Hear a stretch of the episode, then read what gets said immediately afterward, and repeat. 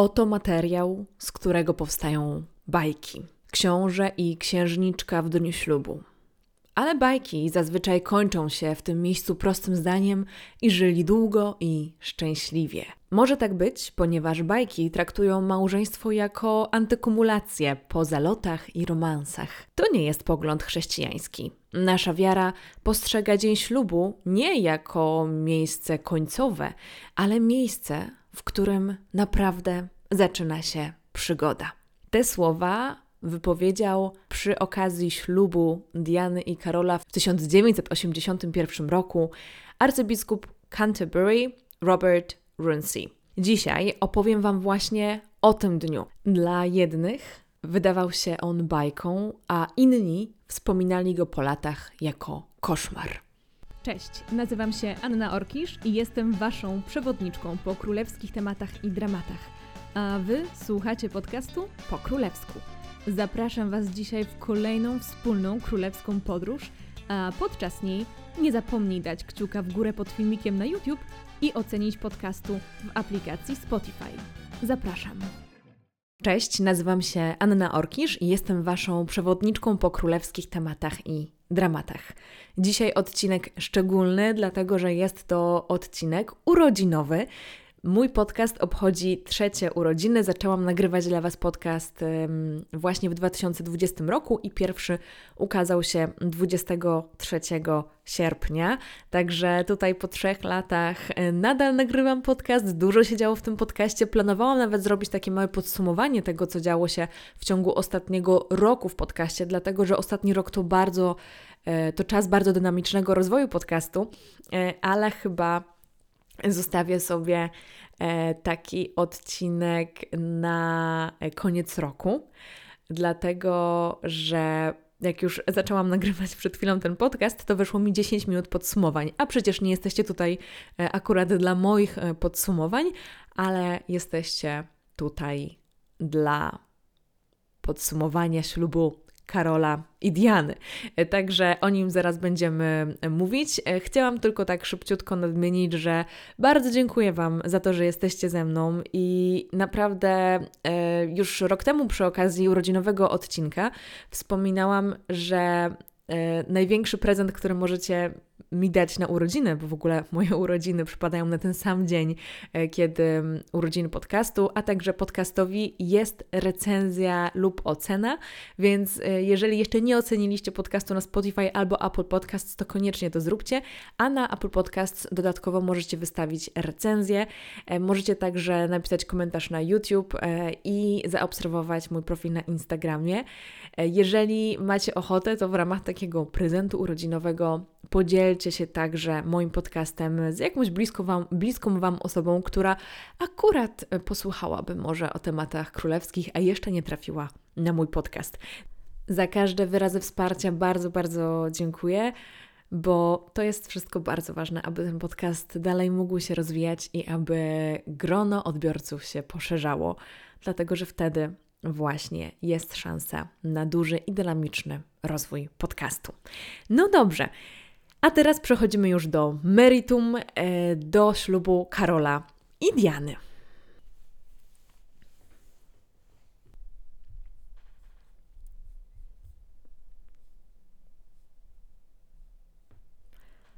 Od razu na początku muszę zaznaczyć, że nie będę poruszała tematu tego, czy Diana i Karol powinni czy nie powinni się pobrać. Nie będę też zajmowała się realiami ich małżeństwa, relacji czy rozwodu.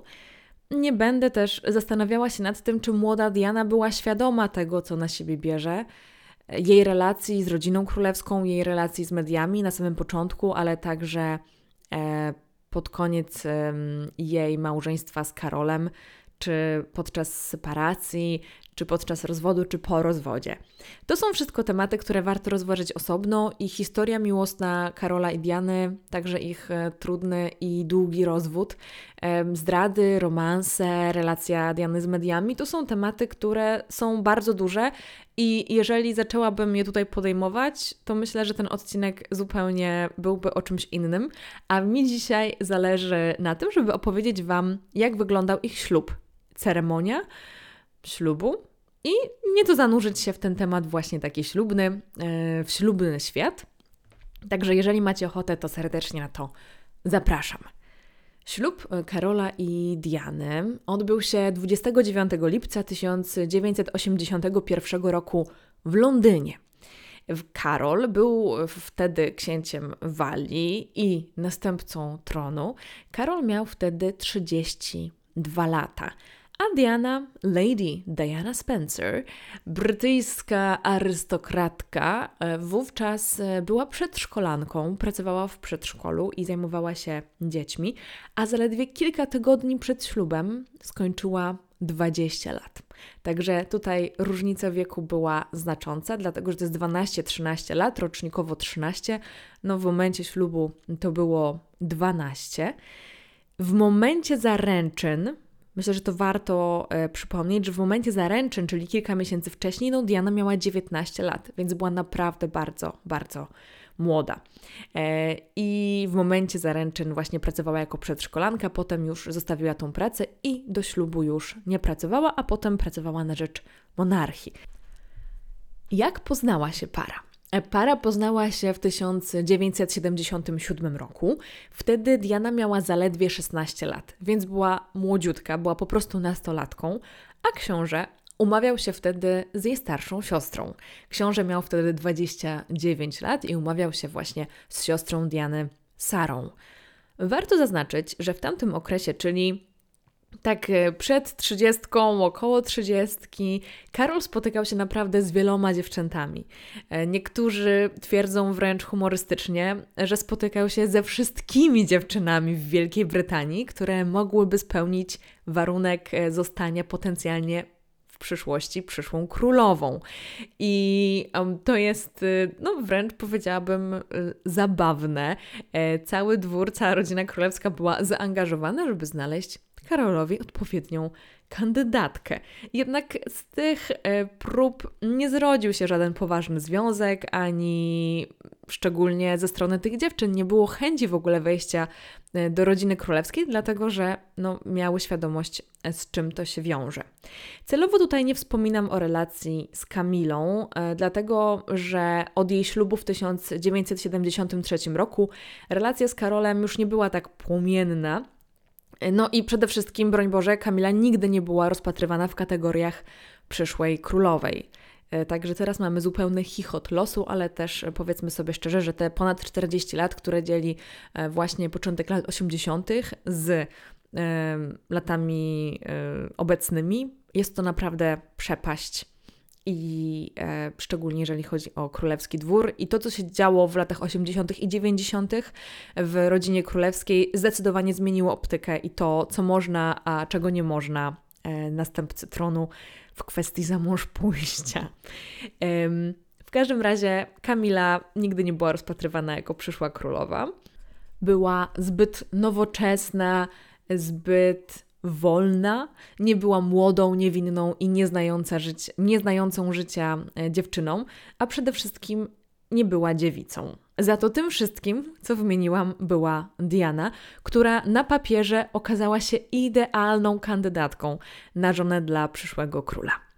Para e, zaczęła spotykać się latem 1980 roku e, i wkrótce mm, Diana została zaproszona na jacht Britannia właśnie, żeby spędzić trochę czasu z Karolem, a także następnie do Balmoral, do posiadłości, szkockiej posiadłości rodziny królewskiej, aby tam lepiej poznać rodzinę Karola. To nie było pierwsze spotkanie Diany z rodziną królewską. Jak mówiłam, Diana była brytyjską arystokratką z rodu, e, który był od wieków połączony z rodziną królewską, był blisko rodziny królewskiej, także e, to nie było tak, że pierwszy raz na oczy wtedy Diana widziała królową Elżbietę.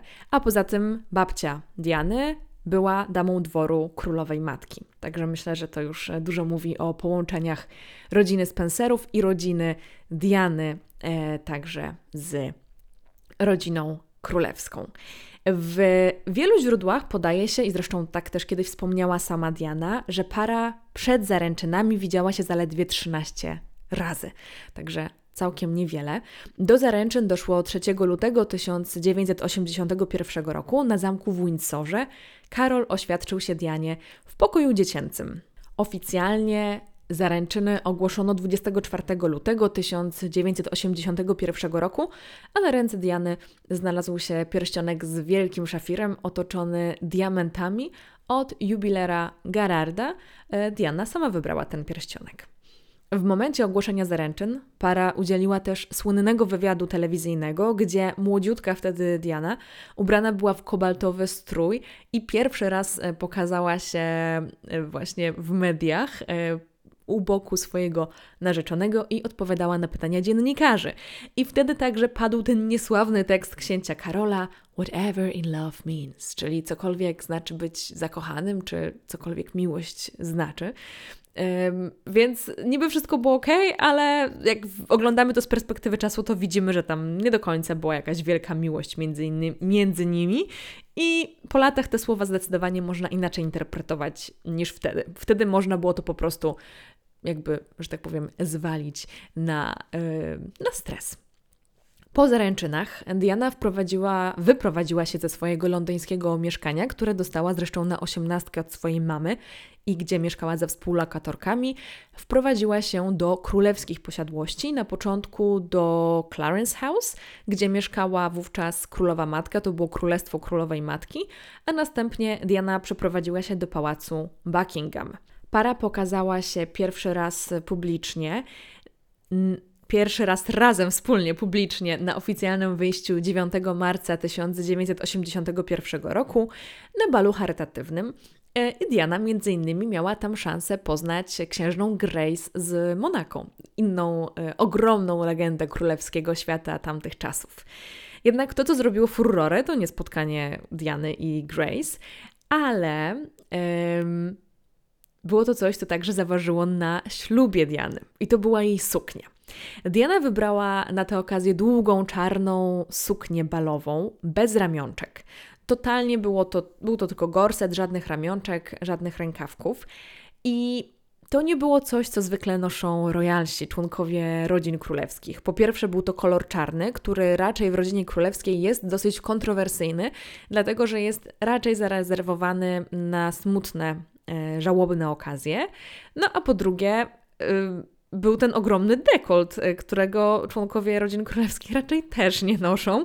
E, raczej wybierają takie bardziej konserwatywne dekoldy. I wiele osób właśnie ten moment wybiera na moment przemiany Diany z Diany przedszkolanki, która lubiła nieco infantylne sweterki, zabawne stroje, do Diany księżnej, ikony mody, którą no niewątpliwie Diana się stała, cokolwiek by o niej nie myśleć, to ikoną mody była. Niedługo później projektanci tej sukienki czarnej, państwo Emmanuel, dostali telefon. I był to telefon z pałacu Buckingham z zapytaniem, czy podejmą się zaprojektowania i uszycia sukni ślubnej dla Diany. I tutaj, zanim jeszcze opowiem o tej sukni, no to muszę Wam powiedzieć, gdzie był zorganizowany ten ślub i dlaczego.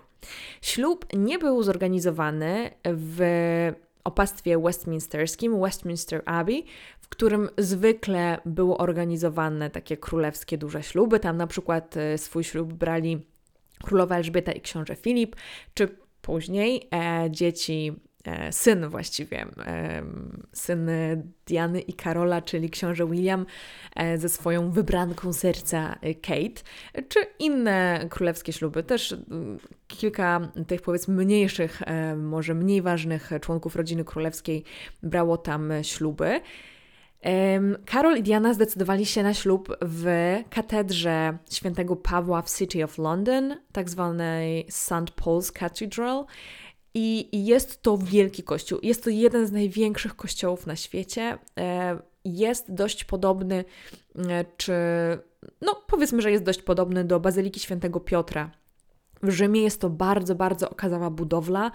No, muszę powiedzieć, że robi ogromne wrażenie. Jest po prostu to wielki, wielki stary kościół. z przepiękną kopułą zresztą. E, także ten rozmiar na pewno zadecydował o tym, że jednak tam ten ślub się odbędzie. To było, tak jak mówię, poniekąd zerwanie z taką królewską tradycją, ale e, ten kościół był wybrany ze względu właśnie na swoją spektakularność na to, że jest wielki, na to, że łatwo było rozstawić kamery telewizyjne, co w 1981 roku było naprawdę bardzo ważne, aby ten ślub był pokazany w telewizji i aby się dobrze oglądał i aby łatwo go było realizować, to na pewno. No i tutaj mówi się też o dobrej akustyce, dlatego że muzyka była bardzo ważna na tym ślubie. Zawsze muzyka jest bardzo ważna dla Karola, to też o tym wspominałam przy okazji koronacji mm, e, Karola, że muzyka jest bardzo ważna i Karol jest wielkim miłośnikiem muzyki. I zależało mu na tym, żeby zmieścić tam bardzo duży chór, e, a także właśnie, żeby ta akustyka była nienaganna. I ta wielkość na pewno miała znaczenie, dlatego że zdecydowano zaprosić się bardzo wielu gości. W Westminster Abbey mieści się około 2000 gości, a w St. Paul's Cathedral 3,5 tysiąca gości, także prawie dwa razy tyle. Także Ostatecznie zdecydowano się właśnie na katedrę świętego Pawła. Mówi się też, że zdecydowano się mm, na nią dlatego, że e, jest ona położona nieco dalej od pałacu Buckingham niż Westminster Abbey, w ogóle w inną stronę, ale to jest jakby inna sprawa. I przejazd z pałacu do katedry mógł być dłuższy, więcej osób mogło ustawić się wzdłuż trasy. jeżeli w ogóle chodzi o mm, to, jakie było zainteresowanie ślubem, to jeszcze na koniec do tego wrócę i powiem Wam, ile osób oglądało ten ślub w telewizji.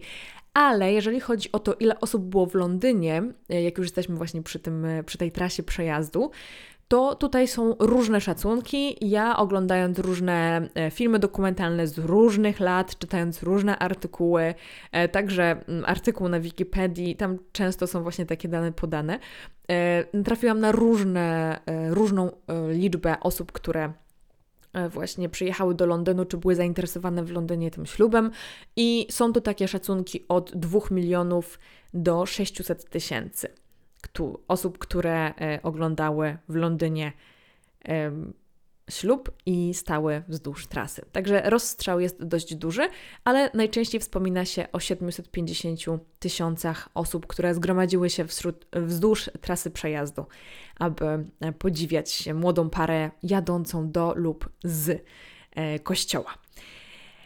Więc to mamy jakby omówione. I dlaczego chciałam na początku powiedzieć, gdzie odbył się ślub i dlaczego? Dlatego, że ma to ogromne znaczenie przy projektowaniu sukni.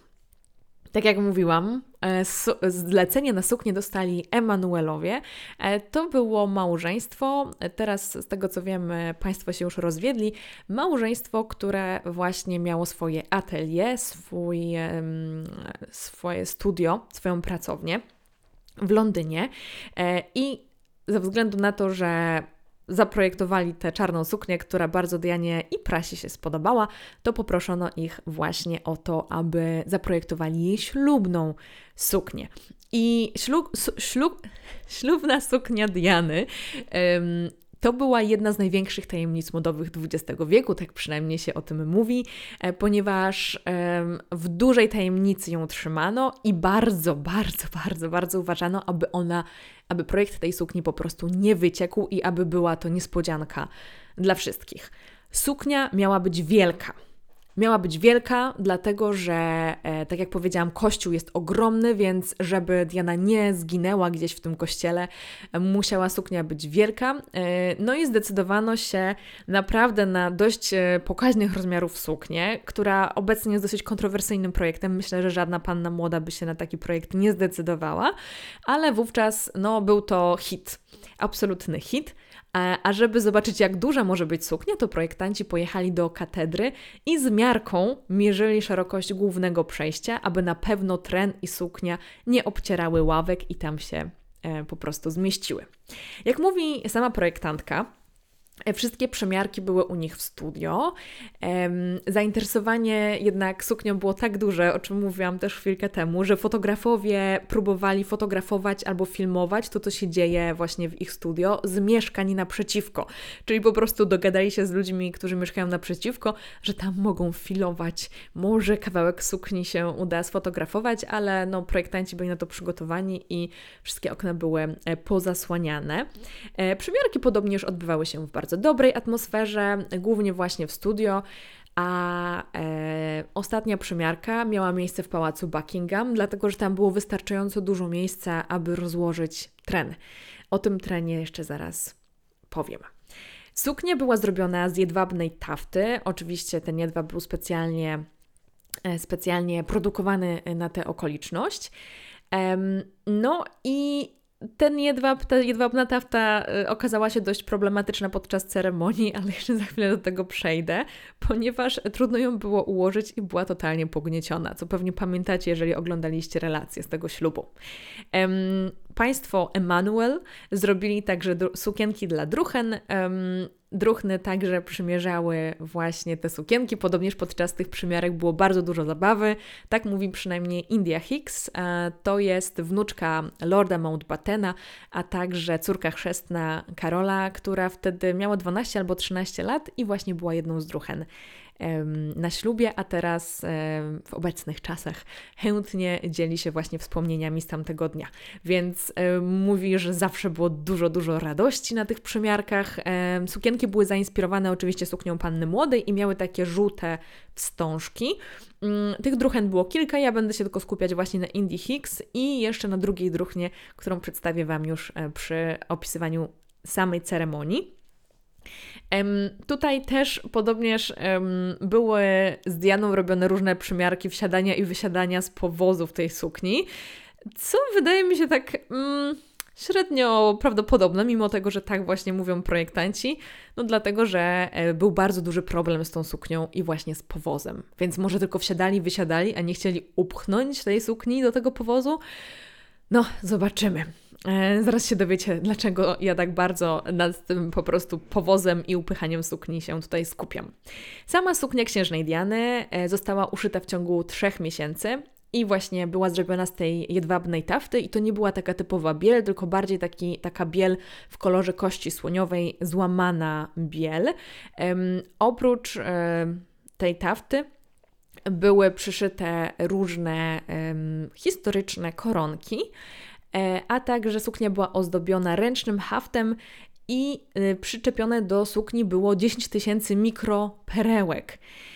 Charakterystyczne dla tej sukni były również te wielkie, bufiaste rękawy, marszczony dekolt, e, no i wspaniałe koronkowe wykończenia, które pochodziły właśnie, te koronki były historyczne, zostały one wylicytowane przez, przez projektantów na aukcji.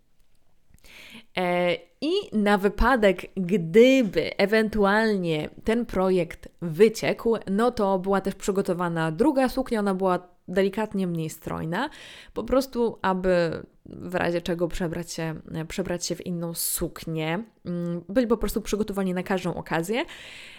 Nie wiadomo, co z tą suknią drugą się stało za bardzo. Gdzieś czytałam, że po prostu ta suknia gdzieś się zdematerializowała. E, nie za bardzo byliśmy w stanie tutaj. Ja nie byłam bardzo w stanie znaleźć informacji, co się z tą suknią stało, ale też tutaj zbyt wiele informacji na tej sukni, o tej sukni po prostu nie ma, ale jak mówię, że projektanci byli przygotowani na każdą okazję, to naprawdę byli przygotowani na każdą okazję, dlatego że powstał także parasol, który pasował do sukni, także właśnie z jedwabnej tafty, e, na kapryśną londyńską pogodę. Na szczęście się on nie przydał. Jeżeli chodzi o kwiaty, które księżna Diana miała w ręce, które uzupełniały e, tę niezwykłą naprawdę suknię, no to e, tutaj osoba e, przygotowująca bukiet zdecydowała się na gardenie, orchideę, konwalie, róże lorda Mountbattena, frezję, bluszcz, mirt, także taka mieszanka gościła właśnie w tym bukiecie ślubnym i zostały one wyprodukowane, zrobione w dwóch kopiach bardzo podobnych, no kopiach, w dwóch egzemplarzach bardzo podobnych, e, żeby no, uniknąć jakiegoś takiego niesympatycznego momentu, kiedy na przykład ten bukiet się zawieruszy i go nie będzie, także jeden rzeczywiście był u Diany, a drugi był w pałacu Buckingham, gdyby przez przypadek ktoś go zgubił i trzeba było tam szybko, e, szybko sięgnąć po kopię. Także dwa bukiety były zrobione. Ja mówię tutaj dużo o sukni Diany, no bo wiadomo, że to jest taka najbardziej spektakularna część strojów na tym ślubie, ale Karol e, miał na sobie pełen mundur dowódcy marynarki wojennej, między innymi z orderem podwiązki czy medalem jubileuszowym królowej. Także tutaj on też był jak najbardziej wystrojony. Jeżeli chodzi o koszta, to e, tutaj szacuje się, że e, ślub kosztował około 48 milionów dolarów. W dolarach podaję, dlatego że takie informacje znalazłam. Jeżeli byśmy to e, na dzisiejsze, że tak powiem, dolary zamienili, uwzględnili inflację, to byłoby to około 150 milionów dolarów, czyli całkiem sporo. Goście. Wśród 3500 osób, które zostały zaproszone na tę uroczystość, były osoby, które rzeczywiście para znała, bo to słuchajcie, nie jest takie oczywiste przy królewskich ślubach, między innymi współlokatorki Diany e, z jej mieszkania, czy koleżanki z pracy, ale także znajomi Karola e, czy Diany. Była także Kamila. E, Kamila siedziała w opastwie, nie w opastwie, w katedrze świętego Pawła. Widzicie, to opastwo westminsterskie jednak bardzo jest z tymi ślubami związane, dlatego że już mi się aż ciśnie na usta. E, Kamila także była, ale jakby zostawmy ten temat, w razie czego była, ale oprócz właśnie tych znajomych pary, czy znajomych rodzin, czy całych rodzin przecież e, państwa młodych, no to na zaślubinach pary było wielu światowych przywódców e, i pierwszych dam, no bo nie zawsze każdy może przyjechać. Także na przykład Stany Zjednoczone reprezentowała właśnie pierwsza e, dama Nancy Reagan e, na widowni, czy w, w katedrze siedziała także właśnie Grace Kelly, czyli księżna Monaco. Mieliśmy także premier na przykład Margaret Thatcher, mieliśmy wiele koronowanych głów, na przykład królową Danii z mężem, następcę e, tronu Norwegii. Nie było, z tego co pamiętam, króla Hiszpanii ani jego żony, a także prezydenta Grecji ze względu na e, różne, że tak powiem, polityczne kwestie, ale rzeczywiście naprawdę goście byli wyśmienici, koronowana głowę na przykład królowa e, Danii, e, następca tronu Norwegii. Było to wydarzenie na naprawdę najwyższym poziomie, jeżeli chodzi o gości. No dobrze, ale jak już przyjechali goście, no to chyba trzeba by ich jakoś ugościć, więc oprócz samej ceremonii było też kilka takich, że tak powiem, wydarzy, wydarzeń towarzyszących. I dwa dni przed ślubem odbyła się próba generalna uroczystości właśnie w katedrze, a potem tego samego dnia odbył się w pałacu Buckingham bal, i na bal było zaproszonych 1400 e, gości, e, a następnie była kolacja dla 90 e, gości. Także na, dla tych najbardziej specjalnych. Także były jakieś tam tańce, także bal się odbył. Nie było takiego klasycznego wesela, ale przed ślubem już tam sobie goście potańczyli. E, jak opowiadałam Wam kiedyś o ślubie Elżbiety i Filipa, to też oni nie mieli takiego klasycznego wesela, tylko właśnie takie bale przed ślubem. A dzień przed ślubem odbył się bankiet na 150 osób i na ten bankiet były głównie zaproszone głowy państw, rządów, koronowane głowy, także ci najznamienitsi goście. W przeddzień ślubu odbył się także y, największy w kraju pokaz sztucznych ogni i był to największy pokaz nie tylko wtedy, ale od ponad dwóch stuleci. To był naprawdę bardzo spektakularny pokaz sztucznych y, ogni. Był w Hyde Parku i przyciągnął naprawdę bardzo, bardzo, bardzo dużo ludzi do Hyde Parku, między innymi księcia Karola, który właśnie tam y, go obserwował. Diana nie przyłączyła się do uroczystości, ale spędziła noc w Clarence House razem ze swoimi siostrami i podobno w dzień ślubu pobudkę już miała o 6.30, ale według dziennikarki Penny Jr., która e, napisała książkę The Duchess, The Untold Story, e, przyszły mąż, e, czyli Karol, wysłał w przeddzień ślubu Dianie sygnet. Sygnet, prezent właściwie w postaci sygnetu z piórami księcia Falli i z jakąś osobistą notatką. Także też był taki personalny, powiedziałabym, akcencik. Diana do swojego ślubu szykowała się w Clarence House, czyli tam, gdzie spędziła noc. E, I mamy kilka anegdot, właściwie dwie anegdoty z tego momentu. Podobnież wszystko szło super i naprawdę było bardzo miło podczas tych przygotowań, dużo śmiechu, dużo zabawy. E, tutaj e, głównie opowiada o nich India Hicks, jedna właśnie z druhen Diany. No i India e, opowiada, że e, podczas właśnie tych przygotowań leciała e, telewizja, leciała transmisja w telewizji właśnie z tego, jak wygląda Londyn przed ślubem, jak się wszyscy przygotowują. E, także Diana oglądała transmisję z własnego ślubu w telewizji i India opowiada, że w przerwie reklamowej leciała reklama lodów Cornetto. I możecie sobie w ogóle wygooglować reklamy lodów Cornetto z 1981 roku.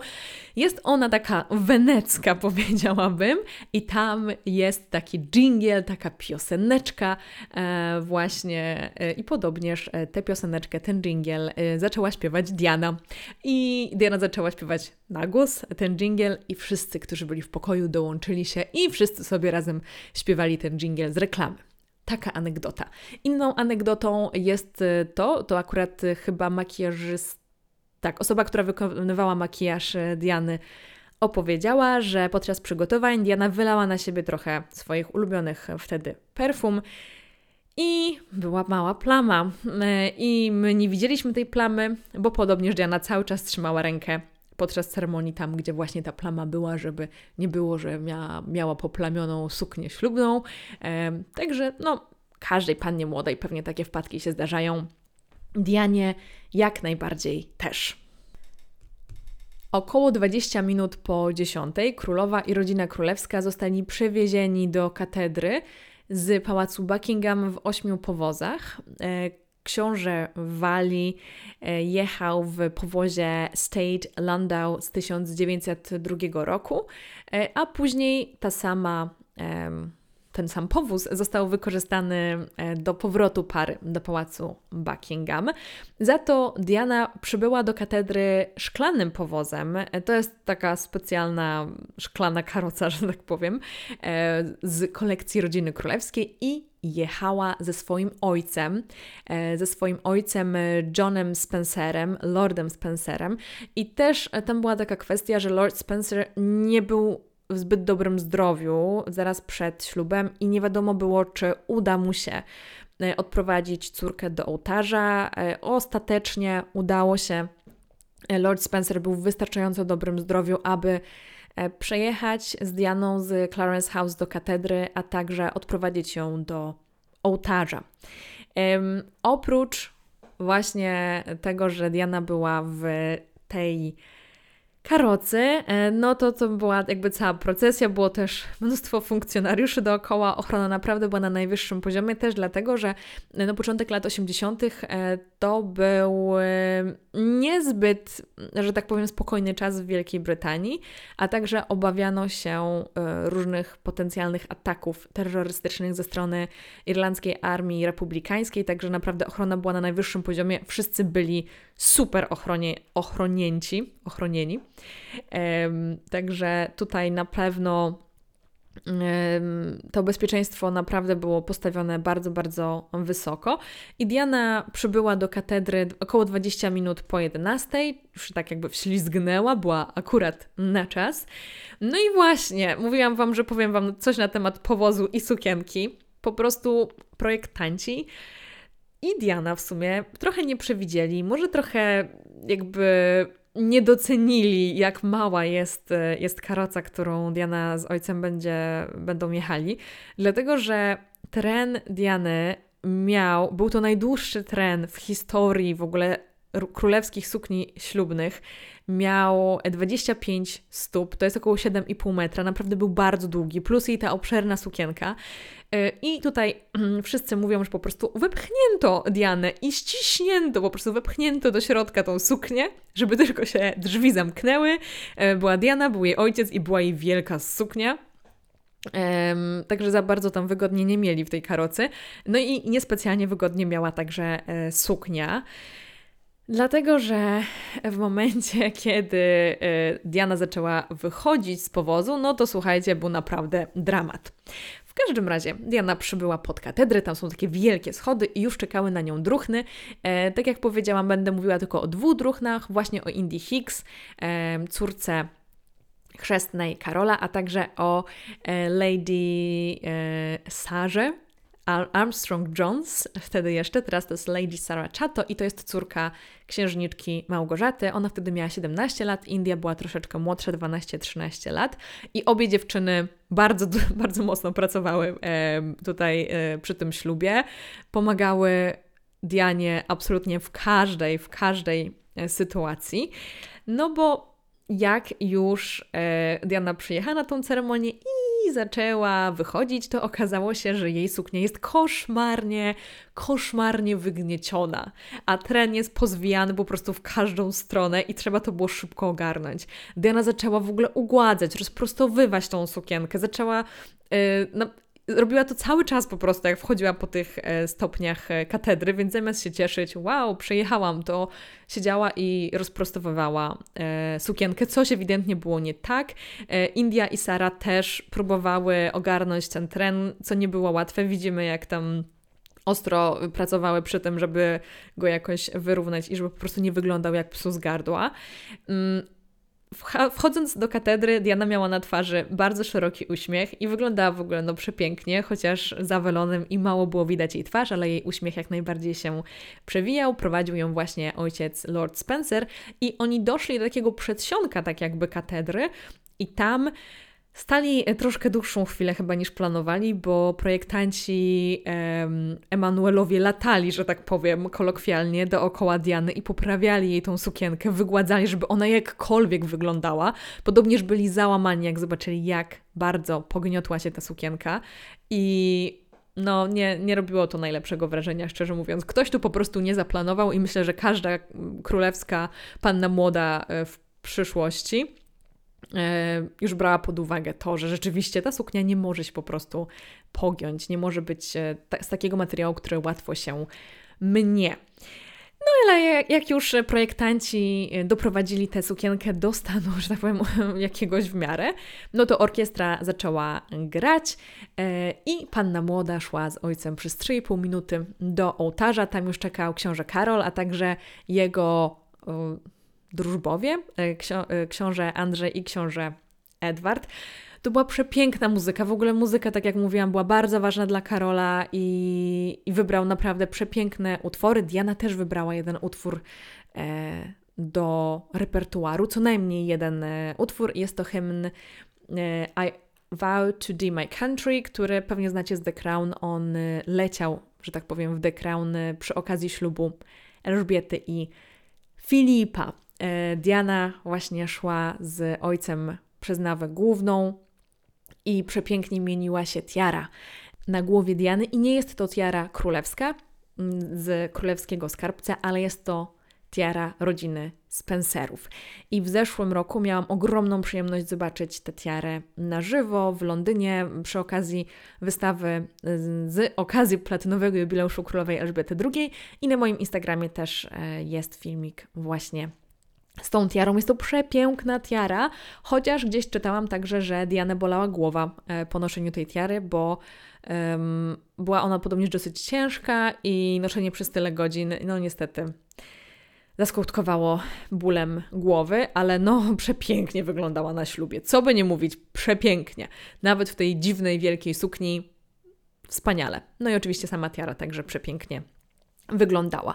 Jeżeli chodzi o całą ceremonię, no to wszystko byłoby super, gdyby nie to, że Diana pomyliła przysięgę.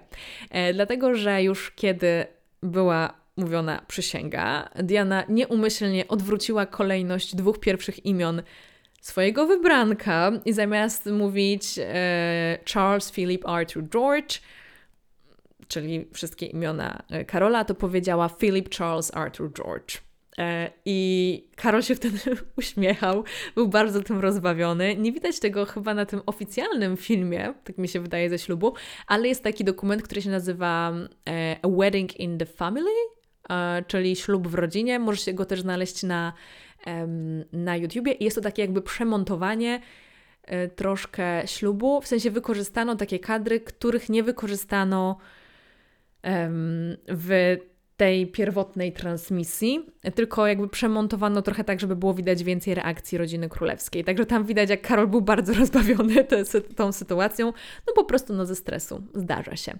E, też um, tradycyjna przysięga, która w rodzinie królewskiej jest składana, ma w swoim tekście e, słowo obey, czyli posłuszeństwo, że panna młoda ślubuje także posłuszeństwo swojemu mężowi. I tutaj para zdecydowała się na pominięcie tego słowa i Diana nie ślubowała posłuszeństwa i e, z tego co czytałam, to była pierwsza taka sytuacja w rodzinie królewskiej, e, żeby to posłuszeństwo e, w tej przysiędze pominąć.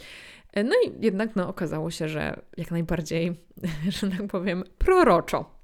Nawet jak ogląda się te transmisje z ceremonii, to kiedy już para złożyła sobie przysięgi, to słychać w katedrze wielki gwar, który jest z zewnątrz, dlatego że osoby, które oglądały, które właściwie czekały na parę na zewnątrz katedry czy na ulicach, tylko miały możliwość słuchania transmisji w radyjkach. Nie było wtedy internetu, wiadomo, zupełnie świat wyglądał inaczej.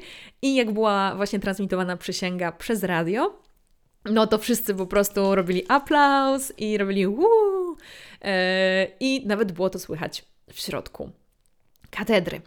Także naprawdę, y, naprawdę aplauz musiał być ogromny. Mówi się też, że para zapomniała się pocałować po przysięgach, także musiała nadrobić później i za chwilę Wam powiem, kiedy nadrobiła i jak stworzyła nową królewską tradycję. Po ceremonii para udała się przez Londyn do pałacu Buckingham wraz z zaproszonymi 120 gośćmi e, i tam było takie śniadanie weselne. Głównie to były koronowane głowy, taka najbliższa, że tak powiem, śmietanka rodziny królewskiej. I e, Diana i Karol pojawili się potem już tak tradycyjnie na balkonie pałacu Buckingham około 13.10. No i tego nie wiedziałam wcześniej, szczerze mówiąc, przed oglądaniem transmisji i różnych filmów, między innymi e, tego, o którym wspomniałam, e, ślub w rodzinie, e, bo Karol i Diana nie pojawili się tylko raz na balkonie, tylko chyba trzy razy. I żądał tego tłum, że tak powiem. Na początku krzyczeli e, Lady D, Lady D i chcieli, żeby Diana wyszła, potem krzyczeli na królową, żeby wyszła, potem krzyczeli na królową matkę, żeby wyszła e, i za którymś razem doszło do naprawdę przełomowego w historii królewskich ślubów momentu, czyli do pocałunku. E, I to są chyba jedne z najsłynniejszych zdjęć z tego ślubu, właśnie pocałunek Diany i Karola na balkonie. To nie było takie super zaplanowane, to było już za którymś razem, jak oni wychodzili, na pewno nie za pierwszym. Wydaje mi się, że wręcz za ostatnim e, albo przedostatnim. E, I ten pocałunek, on trwał dosłownie ułamek sekundy, może sekundę. Jak są wywiady z fotografami, którzy jakby robili zdjęcia właśnie z tego balkonu, to mówią, że niewielu udało się uchwycić moment tego pocałunku, dlatego że on trwał dosłownie sekundę. Jeżeli któryś z fotografów zmieniał wtedy film albo gdzieś się zagapił, to po prostu już go nie uchwycił. Jak oglądacie to, e, właśnie e, relacje e, ze ślubu, to rzeczywiście można zobaczyć, że to jest dosłownie ułamek sekundy, że oni się naprawdę bardzo, bardzo krótko całowali. Wręcz powiedziałabym, że dali sobie takiego buziaczkę i tyle. Um, ale był ten pocałunek i to był pierwszy taki pocałunek na balkonie i potem już wszystkie pary całowały się na balkonie pałacu Buckingham. Mniej więcej w tym czasie trwało to śniadanie takie um, królewskie, śniadanie ślubne, o którym Wam przed chwilą mówiłam. Były tam różne wspaniałe dania. Między innymi był kurczak e, ala księżna Wali, e, który podobnież był e, taką prośbą właśnie Diany, bo bardzo lubiła kurczaka. Kiedy już to wszystko się skończyło, no to para wybrała się na swój miesiąc miodowy, czy raczej taką podróż poślubną e, i wyjeżdżała z pałacu Buckingham także jednym z powozów, który był ustrojony, był ustrojony przez księcia e, Edwarda i księcia Andrzeja. No, chłopaki doczepili masę masę, masę balonów do tego powozu, taką tabliczkę na Bristolu ręcznie malowaną Just Married, czyli no, świeży, świeżo poślubieni. I rzeczywiście wyglądało to dosyć ciekawie. Myślę, że właśnie tak jak w latach 80. powinno to wyglądać, więc para już przebrana, już nie w tych ślubnych ubraniach, ale bardziej już tak po cywilnemu, jechała znowu przez miasto i dojechała na stację Waterloo, gdzie wsiadła w królewski pociąg i udała się razem do Broadlands. E, Broadlands to jest posiadłość była posiadłość Lorda Mountbattena, gdzie właśnie para e, spędziła, e, spędziła część ze swojego tego miesiąca miodowego, a potem e, poleciała na Gibraltar e, i wsiedli tam na pokład e, Brytanii na 11-dniowy rejs po Morzu Śródziemnym, innymi odwiedzając Tunezję, Sardynię, Grecję i Egipt. Transmisję telewizyjną obejrzało na całym świecie 750 milionów ludzi, a jeżeli dodamy do tego odbiorców radiowych, to był to ponad miliard, chociaż jak donosi Wikipedia, bo tutaj akurat jeżeli chodzi o te liczby, to patrzę na Wikipedię. Um, niezbyt dobre źródło informacji, ale jeżeli chodzi o takie liczby, to często rzeczywiście mają ciekawe. Um, Podobnież nie ma możliwości zweryfikowania tego, ale około miliard osób na świecie oglądał ten ślub. To było wielkie wydarzenie początku lat 80. w wielu filmach, serialach, książkach, wspomnieniach. E, ten moment jest uchwycony i e, no myślę, że na pewno cała Wielka Brytania siedziała przed telewizorami, no i pół świata, gdzie to transmitowano. Na początku, kiedy zaczęłam ten podcast, to mówiłam o tym, że z jednej strony jest to bajka, a z drugiej strony ten dzień był wspominany przez niektóre osoby jako koszmar. I Tutaj mamy taką dwojaką narrację, dlatego że z jednej strony to wyglądało jak bajka i te słowa, które Wam przytoczyłam na początku e, arcybiskupa Canterbury e, na temat właśnie księcia i księżniczki, którzy wyglądają jak z bajki, że to jest początek ich wspólnego życia. Rzeczywiście tak to wyglądało. To był bardzo wyczekany ślub następcy tronu z piękną, młodą Dianą, która no, powoli stała się, stawała się ikoną mody. E, każda dziewczyna w Wielkiej Brytanii chciała mieć e, taką fryzurę, jak ona inspirowała się. Jej stylem, stylem był absolutny szał na Dianę, no, który zresztą trwał jeszcze kilka lat i wręcz rósł, że tak powiem, z roku na rok. No i ten Karol, e, wieczny kawaler, który mm, dopiero w wieku 32 lat e, się ożenił. Wiadomo, teraz to nie jest jakiś bardzo późny wiek, ale wtedy on już był taki no, na granicy bycia troszkę starym kawalerem. E, także było to ogromne, ogromne, ogromne, ogromne, ogromne święto. I wiele osób właśnie patrzyło na to jako na taką bajkę. E, ja tutaj e, spojrzałam we wspomnienia, to jakie informacje można znaleźć na temat wspomnień samej pary, że tak powiem, właśnie na temat tego dnia. I tutaj mamy dwie zupełnie różne narracje. Dlatego, że z jednej strony e, Diana opowiada i Karol e, opowiadają w samych superlatywach e, o tym dniu, że to było coś absolutnie niezwykłego. Na przykład Diana, kiedy opowiadała do książki Andrew Mortona o swoich doświadczeniach właśnie z tego dnia, mówiła, że pamiętam, że byłam tak zakochana w moim mężu, że nie mogłam przestać na niego patrzeć, a także myślałam, że byłam najszczęśliwszą dziewczyną na świecie, a on będzie się mną opiekował. Takie wspomnienia miała Diana. powiedziała także, że e, tutaj akurat przytaczam słowa z książki Lady Colin Campbell, The Real Diana. To było niebo, niezwykłe, wspaniałe, jednak byłam tak zdenerwowana, że jak szłam do ołtarza, to myślałam, że moje kolana się złamią i zrobią huk, zrobią e, duży hałas. Także tutaj mamy e, taką relację, pomieszanie ekscytacji, radości, ale także było to bardzo, bardzo, bardzo e, stresujące. Za to mm, Mamy tutaj, że tak powiem, relację księcia Karola, e, który e, miał być pełen optymizmu i mówił, że e, kilka razy powstrzymywał łzy wzruszenia, które miał ze względu na radość, którą odczuwał. No i to, były, to jest jedna część medalu, a z drugiej strony para osobno wspomina ten dzień niezbyt dobrze, już po latach. E, Diana na przykład powiedziała, w sumie zresztą w tym samym, e, w tej samej jakby publikacji, o której mówiła, że, że była najszczęśliwszą dziewczyną na świecie, wspomina, że um, nie próbowała odwołać ślubu tak naprawdę, ale że to był najgorszy dzień jej życia, że to był absolutnie najgorszy dzień jej życia. E, a Karol w filmie dokumentalnym, w wywiadzie, który udzielił na, 70, na swoje 70. urodziny, mówił, że bardzo chciał się wykręcić ze ślubu, bo tak naprawdę nie miał szansy poznać Diany przed ślubem i nie wiedział, czy to jest dobra decyzja. Także tutaj ten ślub tak naprawdę jest bardzo słodko-gorzki. Z jednej strony wspominamy go jako takie niezwykłe wydarzenie, a z drugiej strony wiemy, jak koszmarnie skończył się ten związek.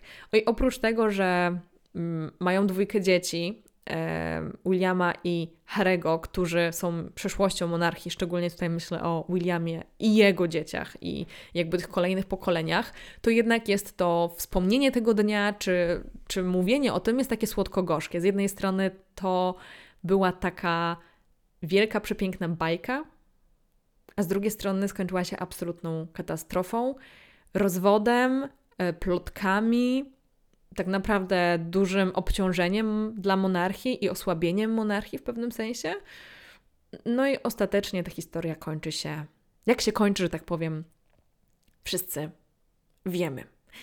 E, także taki odcinek słodko-gorzki. Mam nadzieję, że jednak bardziej słodki, że zanurzyliście się w tę ślubną opowieść.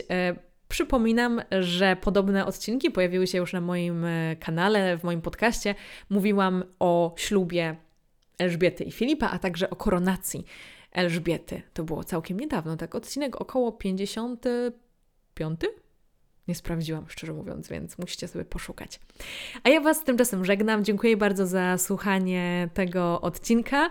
E, I no wow, nie mogę uwierzyć, że to już 3 e, lata do Was mówię, 3 lata nagrywam dla Was podcast. E, I słyszymy się niebawem w kolejnym odcinku. Do usłyszenia, do zobaczenia. Pa, pa!